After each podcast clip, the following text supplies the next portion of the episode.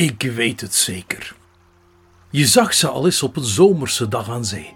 Die kleurrijke karretjes met een enthousiast kind of, of een heel gezin die trappen alsof hun leven ervan afhangt. Van knokken tot in de pannen zie je ze rijden. Nergens in Europa vind je zoveel verhuurders van kustrijwielen als aan de Belgische kust. Heel wat van die ondernemers kregen hun métier met de paplepel ingelepeld. Het verhaal van de billenkar start eind jaren 20 van de vorige eeuw. Samen met het kusttoerisme kreeg de billenkar een vaste stek aan zee.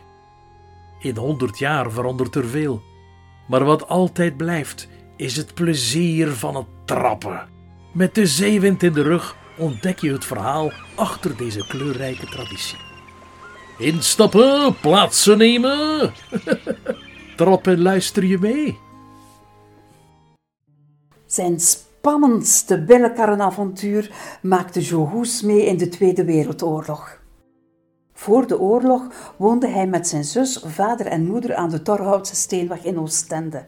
Zijn ouders hadden een garage waar chauffeurs van rijke toeristen hun auto's konden stallen en van waaruit Willy Goes, Joes vader, tours organiseerde voor de Engelsen die naar de Westhoek afgezakt kwamen om het front van de Eerste Wereldoorlog te bezoeken.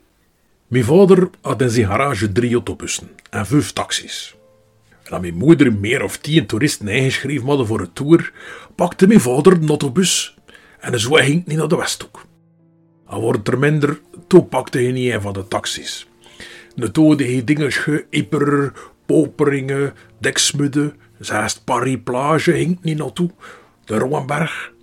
En je stopte hier in het weerkeren ook als een keer bij meneer Florizone van de Meli. En die leidde de toeristen rond bij zijn bijenkorven. Toen de Tweede Wereldoorlog uitbrak, confiskeerden de Duitsers onmiddellijk de garage.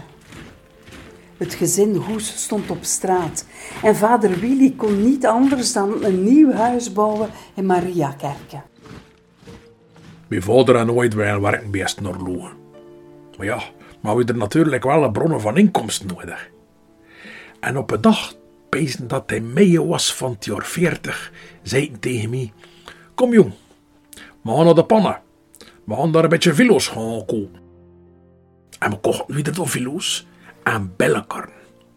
Dat was van een verhuurder die naar Frankrijk wilde vluchten en we brachten weer dat mee met een tram naar Mariakerke. Het was zo dat we er een centje kosten bij verdienen. Maar op een dag zei mijn vader tegen mijn moeder, kom, we gaan een keer een toertje gaan doen met de bellenkarren. En doe maar een witte rok.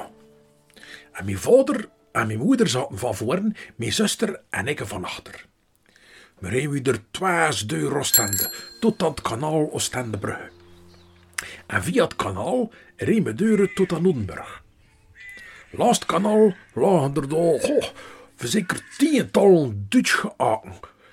En, de Duitse soldaten, die die schepen bemanden, deden er militaire oefening. En, en we zwaaiden weer naar onder. En ze er zwaaiden weer. ja, dat gebeurt tot achter de oorlogen dat ik van mijn vader hoorde dat de Isabellenkarretocht eigenlijk een opdracht was van de Witte Brigade. Mijn vader moest vertellen hoeveel aken dat er in het kanaal lagen en welke oefening dat die Duitsers dat deden voor een fameuze inval in Engeland voor te bereiden. Ja, ik pees dat mijn, vader die opdracht gekregen had van Frans... Allee, wacht, Frans, Frans, Frans Eiland. Die had een café in Mariakerke. Hij was een van de leiders van de verzetsgroep, waar mijn vader toen ook bij was. Dit was een van de luisterverhalen uit een reeks van zeven. Als je ervan genoten hebt, ga dan zeker op zoek naar de zes andere verhalen. De luisterverhalen en het project Trappen aan Zee zijn een initiatief van de erfgoedcel Kusterfgoed, die zich inzet voor het roerend en immaterieel erfgoed in Middelkerke, Oostende, Bredene, De Haan en Blankenbergen. Naast de luisterverhalen is er ook nog het boekje Trappen aan Zee, de tentoonstelling en het billenkarrenspel. Meer info vind je op de website www.kusterfgoed.be.